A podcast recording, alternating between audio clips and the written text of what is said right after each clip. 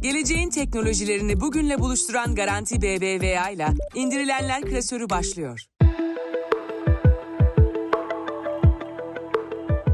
Herkese merhaba. İndirilenler klasörünün 27. bölümünde yeniden birlikteyiz. Garanti BBVA'nın desteklediği programımızın yeni bölümünde yine Erdem'le birlikte haftanın teknolojik gelişmelerini değerlendireceğiz, ele alacağız. Erdem nasılsın? Bugün kaydı Podi'nin stüdyosunda gerçekleştiriyoruz. Kapital medya sınırları içerisinde değiliz bugün. Merhabalar Uğur, iyiyim. Umarım sen de iyisindir. Tekrar Podi'nin ev sahipliğinde bir kayıt alıyoruz. Bu stüdyoda olmak gerçekten güzel. Erdem hızlıca gündeme giriş yapalım. Galaxy S24 serisini tanıttı geçtiğimiz günlerde. Ultra ve normal seri S24 serisi olarak tanıtıldı. Ultra serisi 256 GB ve 512 GB hafızası, 12 GB RAM'i, 6.8 inçlik ekranı ve 200 megapiksellik kamerasıyla karşımıza geldi. S24 serisi ise 8, 12 GB RAM'lik versiyonları ve daha düşük olan 50 megapiksellik kamerasıyla karşımızda. Bu telefonu ben bugün gördüm bir yerde. Nerede gördüm? Seninle araçla buraya gelirken cebinden çıkardığını gördüm. Öncelikle hayırlı olsun. Teşekkür ne, ederim. Neler düşünüyorsun telefonla ilgili? Deneyimleme şansın oldu mu? Ne kadar deneyimledin? Yani heyecanla tabii ki yapay zeka özelliklerini bir denedim. Ee, biliyorsun Samsung bu telefonu S24 serisinin daha doğrusu bir Galaxy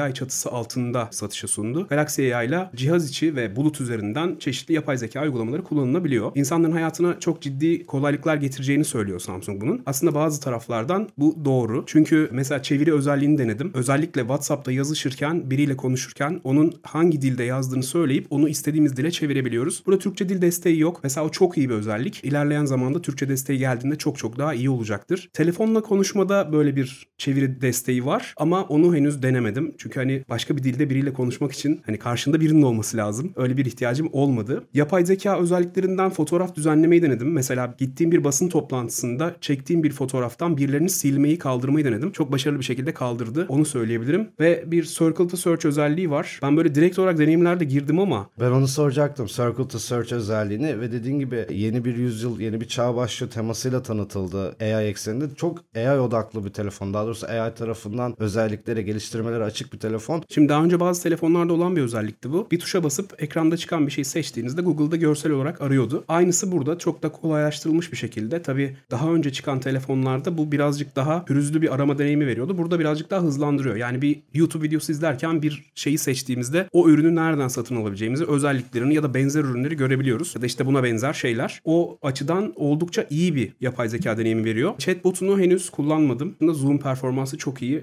Diğer amiral gemisi denilen telefonlarla karşılaştırılıyor ve onlardan çok daha başarılı bulunuyor. Galaxy AI özellikleri 2025'in sonuna kadar ücretsizmiş. Şu anda forumlar bununla alakalı böyle çok ciddi eleştiri mesajları dolu. Çünkü 2026'dan itibaren bu nasıl olacak? Yani insanlar bir abonelik planına mı geçecekler yoksa tamamen kaldırılacak mı bilinmiyor. Bununla alakalı çeşitli eleştiriler var. Şimdi hazır böyle yeni ve teknolojik bir üründen bahsederken Garanti BBVA Mobil'deki yeniliklerden biraz bahsedelim istiyorum. Bugüne kadar gençlerin ailelerinden bizim eşten dosttan bazen utana sıkıla bazen şekilden şekile girip istediğimiz ödemeler için bir kolaylık sağlamışlar. Ödeme iste. Para transferinin tam tersi yani karşı taraftan transfer talep etmek diyebiliriz. Para isteyeceğiniz kişinin hesap bilgilerini ödeme iste ekranına giriyorsunuz. Karşı tarafa bildirim gidiyor. O bildirimi onayladığı zaman para anında hesabınıza geçiyor. Aşırı kolay, aşırı işe yarar bir yenilik olmuş. Garanti BBVA teknolojisi her zamanki gibi hayatımızı kolaylaştırmaya devam ediyor.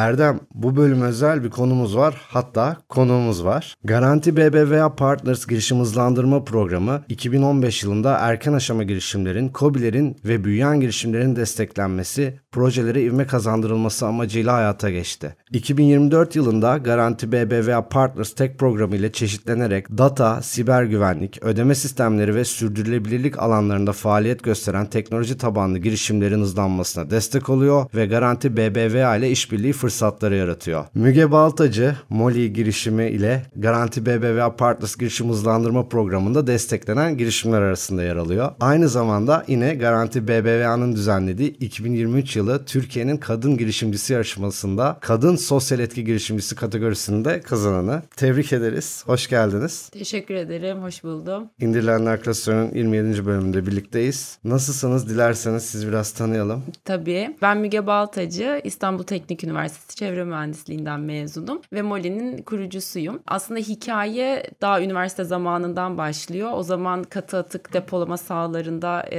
yaptığım stajlarda ilk gördüğüm şey atıkların ayrıştırılması araştırılmadan toprağa girmesiydi. Ve aralarından bir tanesinin türü ilgimi çok çekti. O da elektronik atıklardı. Çünkü her ne kadar biz halen daha bunların atık olduğu kelimesini kullansak da aslında her biri ikinci ham madde değeri taşıyor. Çünkü bugün e, daha demin bahsettiğimiz telefonun içinde bile aslında altın, bakır, e, platin, toprak elementleri, kritik materyaller bulunuyor. Ve bunların e, maalesef kaynağı da gördüğümüz gibi projeksiyonlarda 2030 yılına kadar tükeneceği söyleniyor. Biz de burada e, döngüsel ekonomiye tekrardan bu cihazları takip edilebilir, ölçülebilir bir şekilde nasıl geri kazandırırız diye çalışmalara başladık ve aslında Molly böyle doğdu. E, Molly nasıl çalışıyor? E-atığı tanımlamak, sınıflandırmak ve yönetmek için ileri düzey AI teknolojisinden nasıl faydalanıyor, hangi sorunlara nasıl çözümler sunuyor sorusuyla başlayalım.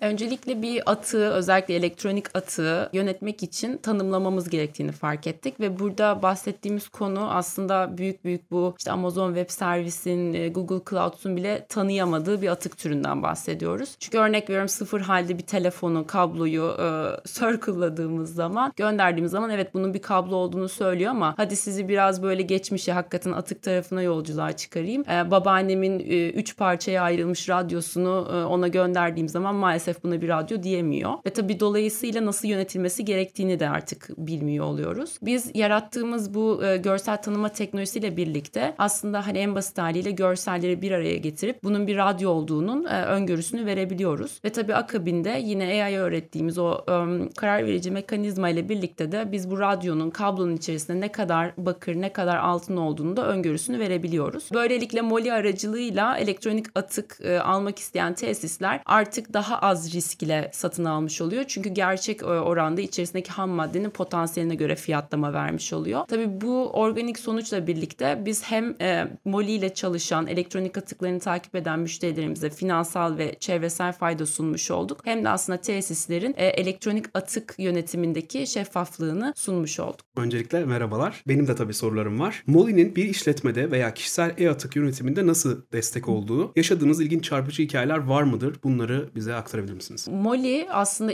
ilk bireylerin elektronik atıkları için e, ortaya çıkmıştı. E, hane hane kapı kapı dolaşıp hakikaten elektronik atık topladık ve aslında sosyal girişim hikayemizde e, o şekilde başladı. Her elektroniğin karşılığında o elektronik atığa yönelik bir puan verdik ve bu puanların bağışlanması için e, mobil uygulamamızdan yönlendirmeler yaptık ve burada çok güzel hem çevresel hem toplumsal sosyal fayda e, ürettiğimiz e, senaryolarda oldu. Biz bu modele hala kurumların e, aslında kurumsal sosyal sorumluluk projesi projesi kapsamında çalıştırmasına devam ediyoruz. Şirketler e, çalışanlarıyla birlikte ofisinde, evinde biriktirdiği e-atıkları konumlandırdığımız kumbaralara gelip koyabiliyor ve puanlarıyla birlikte dilediği bağış kanalında sosyal faydaya sebep olabiliyor. Fakat gerçekten e, Molly'nin ölçeklenme noktasına baktığımızda bizi Molly platform karşılıyor. Çok geniş ölçekte şirket grupları düşünebilirsiniz. Yani giyim mağazalarından, giyim markalarından e, teknolojik üreticilere kadar e, geniş bir kitleye hitap ediyor ediyoruz. En nihayetinde bir giyim e, markasını bile düşündüğünüzde 300'ün üzerinde mağazası var. E, Türkiye'de örnek veriyorum. Ve e, tabii ki Marmara bölgesindeki atığı yönetmekle işte Doğu'da Anadolu'daki bir atığı yönetmek tesis yokluğundan dolayı çok kolay olmuyor. Moli platformla birlikte aslında biz onlara dijital bir altyapı sunuyoruz. Herhangi bir yerden, ülkede nereden elektronik atık çıkarsa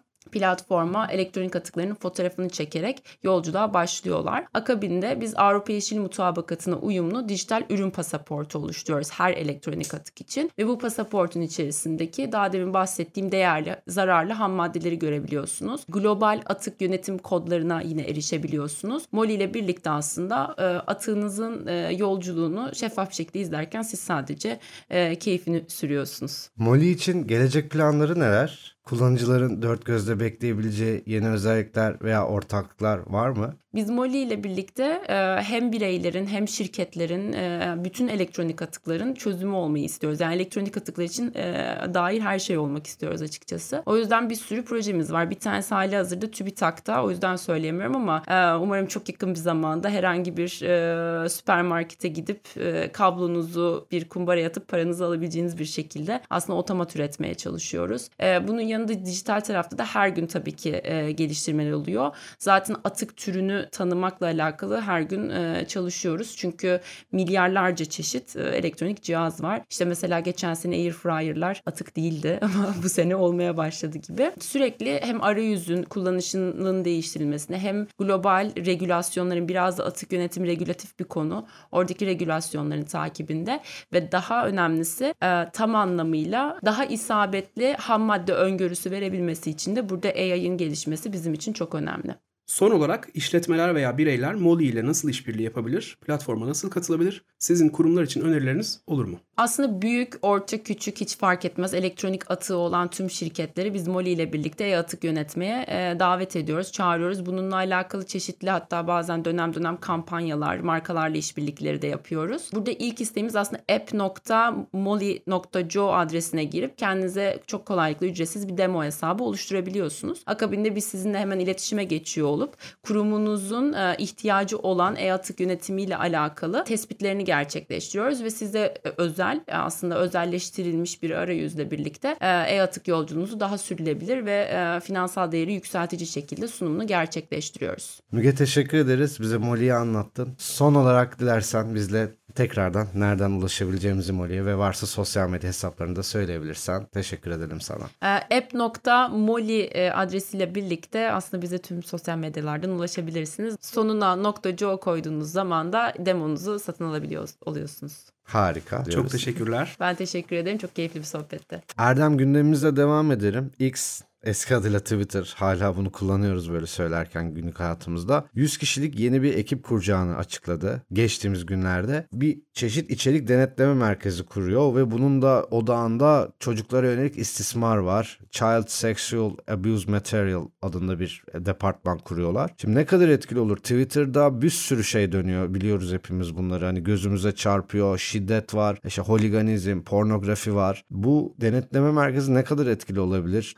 Bir sistem geliştirilebilir? Nasıl bir filtreleme yapılabilir? Bunu merak ediyorum. Dediğim gibi ne kadar etkili olur? Bu sosyal medyanın çok büyük bir problemi biliyorsun. Bu tarz görsellerin, içeriklerin denetlenmesi. TikTok çalışanlarının mesela çok ciddi bir mesaisi vardı. Hatta onlara psikolojik destek sağlanıyordu. Bazıları başka bir iş yapmak istemediğini, artık hani o popüler tabirle burnout olduğunu falan söylemişlerdi. Şimdi 100 kişilik bir ekip şurası olumlu. Yani çocuk istismarı konusunda çalışacak özel bir ekip olması çok olumlu. E, çünkü 10 milyonlarca, 100 milyonlarca kullanıcısı olan platformlar bunlar. O yüzden hani böyle önemli bir konunun üzerine gitmelerini olumlu buluyorum ben şahsen. Ama 100 kişi yeterli olmayacaktır. Çünkü orada çok ciddi bir içerik akışı var. Bir noktada bu işi yapay zekayı yıkacaklar gibi geliyor bana. Ama yapay zekayı yıkmak da ne kadar mantıklı o da tartışılır. Çünkü yapay zekanın da bir şeyleri sonuçta belirleyebiliyor, görebiliyor olması lazım. O görebilme süreci başka sorunlar doğurabilir. Yani aslında konuyla hiç alakası olmayan içerikler bile işaretlenebilir ki hani bir örnek olarak belki şunu söyleyebilirim. O kadar yapay zeka işin içinde değil gerçi ama bir ebeveyn,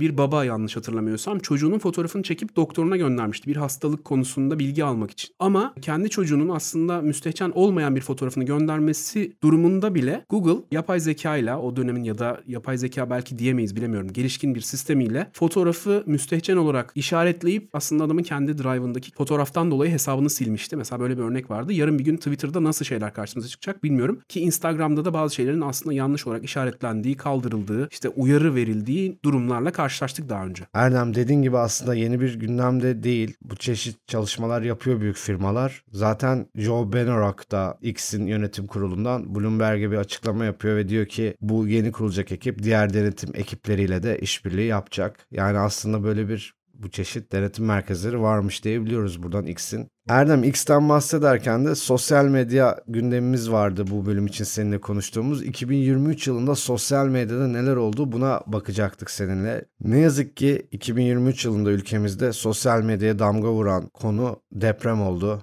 Bildiğiniz üzere 6 Şubat'ta geçtiğimiz yıl çok acı bir deprem yaşadık. Buradan hayatını kaybeden tüm vatandaşlarımızı anıyor, kalanlara sabırlar diliyoruz. Türkiye'de deprem AFAD Deprem, Kandilli Hastanesi ve ChatGPT 2023 yılında Google aramalarının üstte olan kelime grupları oldu. Depremle ilgili olarak bazı markaların deprem bölgesine gönderdiği yardımları konuştuk. Tabii mesajları konuştuk. Oradaki bizim kendi aramızda hani uzaktan da olsa nasıl yardım edebileceğimizi sosyal medyada çözmeye çalıştığımız günler oldu. Bir başka önemli gündem maddesi de Cumhuriyet'ti biliyorsun. Cumhuriyet'in 100. yılını kutladık. Bizim için çok önemli bir yıldı. Cumhuriyet'le alakalı kampanyalar, topluma verilen mesajlar, Cumhuriyet Bayramı kutlamaları yine sosyal medyanın gündemindeydi. Yine bu yıl voleybolda yaşadığımız başarılar da vardı Erdem. Milli takım bazında ve bu sosyal medyanın ötesine geçerek spor okullarına aşırı talepler yağması neden oldu. Hani yapay zekayı bir yandan hep konuşuyoruz ama sosyal medya da hala hayatımızdaki en sabit gerçeklerden biri. Toplumun birçok alanını hala etkiliyor. Türkiye zaten bir voleybol ülkesi. Biz yıllardır başarılara ulaşıyoruz ama bu yıl o Melisa Vargas'ın meşhur pozu okullarda aşırı talebe neden oldu. Herkes benim kızımda acaba bir Melisa Vargas olur mu hevesiyle ve tabii işte bir voleybol ülkesi olduğumuz için okulların kapısına dayandı kapıları aşındırdılar. Onun dışında yine Spotify Rap listelerini konuştuk. Spotify bunu çok iyi yapıyor. Bunu yapma amacı bize istatistik vermek değil aslında. Kendi reklamını yapmak. Bizim konuştuğumuz kim bilir kaçıncı bölüm Spotify'ı konuştuğumuz. Ve Microsoft yine bir haberle radarımızda, gündemimizde. Biz de onun takibindeyiz. Biliyorsun hemen geçtiğimiz bölüm Microsoft'tan bahsetmiştik. Piyasa değeri olarak Apple'ı sollamışlardı ve oradaki kıyasıya rekabette hala devam ediyor. Bir Apple öne geçiyor, bir Microsoft. Yani çok ciddi büyüme ve tekrardan eski popülaritesini geri kazanma sağladı Microsoft 2023 yılında. Yatırımlar yaptılar. Seninle burada bölümlerde konuştuk. ChatGPT, Bing tarafına, OpenAI tarafına daha doğru söylemek gerekirse bir işbirlikleri oldu. Activision Blizzard konusu var. Fakat bugün bu yayında Microsoft'tan bahsetmemizin sebebi 1900 kişiyi işten çıkarmaları geçtiğimiz ay. Yani Niha'nın digitalage.com.tr yaptığı haberden aktarıyorum haberi. Şirketteki bu küçülmeler devam ediyor ve biz bu haberi sadece Microsoft'tan duymuyoruz. Spotify gibi markalar, Zoom bunu yapmıştı. Burada ilginç olan Microsoft'un en ciddi büyüdüğü yılda belki küçülmeye devam etmesi ve muhtemelen devam edecek gibi gözükmesi. Bunu nasıl yorumluyorsun? Yani şirket maddi olarak bu kadar büyürken, bu kadar kar ederken insan olarak neden böyle küçülüyor? Diğer şirketlerde gördüğümüz küçülme, işten çıkarma olayları birazcık pandemide büyümeyle alakalıydı gibi. Yani öyle düşünüyorum. Ama şimdi pandeminin etkileri biliyorsun ortadan kalktı. Yani işler değişti. Artık satın alımlar, işten çıkarmalar çok çok daha alakasız gerçekleşiyor. Microsoft yakın zamanda yine Microsoft Microsoft bizim atışmamıza tabii atıfta bulunmam lazım. Microsoft yakın zamanda Activision Blizzard'ı satın almıştı ve ondan da bahsetmiştik. Bu işten çıkarılan 1900 kişi bu ekipten. Orada da oyun tarafında büyümeye çalışan bir şirket var. Ee, çok da doğru bir adım atıyor aslında ama sanıyorum ki kaynakları başka yere yönlendirmek istediler. Çünkü şimdi birazcık daha yapay zekaya önem verdiklerini görüyoruz. Muhtemelen o kaynaklar o tarafa doğru gidecek. Bu arada Digital Age'deki hani senin de bahsettiğin haberde bir tweet var. Blizzard Başkanı Mike Ibarra'nın tweet'i. Kendisi şunu diyor. Bizimle birlikte çalışan ve bu şirketi hem Blizzard'ı hem Microsoft'u yani bu noktaya getiren insanlara teşekkür ediyoruz. Ben de sizinle birlikte işten istifa ediyorum. Yani bu süreç aslında benim için de sonlanıyor. Son günüm diye yazmış. Uzun bir yazı var ama içinde son günüm diyor. Şimdi ben bu tweet'in altından birazcık Twitter'ın dehlizlerine girdim. İnsanlar ne konuşuyorlar diye. İşte tabii ki böyle tek tek tweet'ten bahsetmeyeceğim ama bir kısım diyor ki ben Blizzard'da öyle günler yaşadım ki hani sen bizden biriydin, çalışanlardan biriydin, yönetici olsan olsan da bu yüzden çok müteşekkirim sana. Bir taraftan diyorlar ki hayır sen çok büyük bir çek alacaksın ve senin aslında her şey çok normal. Yani sen hayatını yaşayacaksın, gezeceksin, tozacaksın ama bizim için böyle olmayacak. Bu arada hani Microsoft da şunu söylüyor. Biz size tam destek vereceğiz. Hani kıdem tazminatınızı vereceğiz. Siz iş bulana kadar hani desteğimiz belki iş bulana kadar değil tabii de desteğimiz devam edecek. Bu da hani kötü bir ayrılık olmayacağını gösteriyor aslında. Çünkü bir de hani CV'de Activision Blizzard olduğu zaman başka oyun şirketlerinin bacağını düşünüyorum bu insanları. O yüzden çok çok zor olmayacaktır. Ama sonuçta olumsuz bir haber. Kaynaklar yapay zekaya gidiyor. Yapay zeka bütçelendirmeleri tavan yapacak belki de bu yıl ve belki de her geçen yıl. Böyle bir kulvara girdik. Geçtiğimiz bölümlerden bir sürprizden bahsetmiştin. Konu Shazam'la ilgili. Sözü sana bırakalım. Şimdi bizim Microsoft Microsoft atışmamız gibi onlar Shazam demiyorlar, Shazam diyorlar. Ee, oradan gireyim. Ben Shazam demiyorum ama ben de Shazam diyorum. Ama ben bu bilgiyi kimden aldım? Bu bilgiyi Shazam'ın kurucusu Chris Barton'dan aldım. Daha önce söylemiştim hani Bakü'ye bir etkinlik için gitmiştim ve kendisiyle orada tanışmıştım. Bir röportaj sözü almıştım. O röportajı e-mail üzerinden olsa da gerçekleştirdik daha sonra. Hatta Mediket'in Şubat sayısında var. Okunmasını tavsiye ederim. Çok güzel tatlı bir röportaj oldu. Ben de hani oradaki sorduğum sorulardan bir tanesinde özellikle podcast'te de kullanabileceğimizi kendisine belirttim ve aldığım yanıtı burada dinleyicilerimize paylaşmak istiyorum. Kendisine temelde çok böyle teknik olmayan tabii ki de bir soru sordum. Sorum şuydu. Shazam kullanıcılarına bir tavsiyeniz var mı? Ve kendisinin yanıtını dinleyelim. I would say um, my main advice, two two main pieces of advice. One is, you know, have fun with it. Um, you know, uh, uh, one way I think it's really fun to use Shazam is to really try to identify obscure songs. You know, not just the mainstream songs you hear on the radio, but um, you know, anywhere you are in a bar, club, cafe, movie theater, grocery store, you name it. Sometimes you'll hear these really obscure songs, and the way you'll know is you identify the song and then go look at how many Shazams there have been for that song. And if it's a smaller number, instead of instead of being tens of millions or millions of Shazams, maybe it's only had a couple thousand Shazams, or you know, or even a few hundred Shazams. And if that's the case, that means it's a really obscure song. Uh, and so, congratulations on identifying this song that so few people have heard. Um, and then, um, and then the second piece of advice is, you know, look, we live in a world of streaming now. We've got Apple Music, we've got Spotify, um, and if you're a subscriber to those services, that means you basically have all their music um, at your fingertips, um, and and you can listen to as much as you want for for no additional cost. So really, you know, I suggest Shazam is connected with both those services, and you can configure it to be even more deeply connected, so that every song you Shazam gets added to a playlist um, in, within those services. And so make the use to make the most use of of Shazamming songs, and then having them added to playlists in um, Apple Music and Spotify uh, because that then you're basically means that any song you Shazam is one you effectively own and can listen to. Şimdi tabii daha önce DATS bölümünde yapmıştık. İngilizce cevapları vermiştik. O uzun bir bölümdü. Burada ben böyle minik bir çeviri yapacağım. Çok basit. Şimdi Shazam kullanıcılarına iki tavsiyesi var kendisinin. Birincisi Shazam'ın keyfini çıkarmak. Özellikle de Shazamlanan şarkıları hani sonuçta bir şarkının ne olduğunu bulmaya çalışıyoruz. Shazamlanan şarkılarda kaç kere Shazamlandığı numarası yazıyor. Ona bakmalarını e, tavsiye ediyor. Çünkü bir rakam ne kadar yani bir sayı ne kadar düşükse o şarkı o kadar az dinleniyordur. O kadar nadir bir şarkıdır. Ve diyor ki işte tebrikler böyle bir şarkıyı buldunuz. Bir de şunu söylüyor. Diyor ki hani Spotify, Apple Music hangi platformu kullanıyorsanız hani müzik için onu Shazam'a bağlayın ve Shazam'ladığınız şarkılar oraya gelsin. Böylelikle hani çok uğraşmadan dinlediğiniz, beğendiğiniz şarkıları dinleyebilin. Böyle bir tavsiyesi var kendisinin.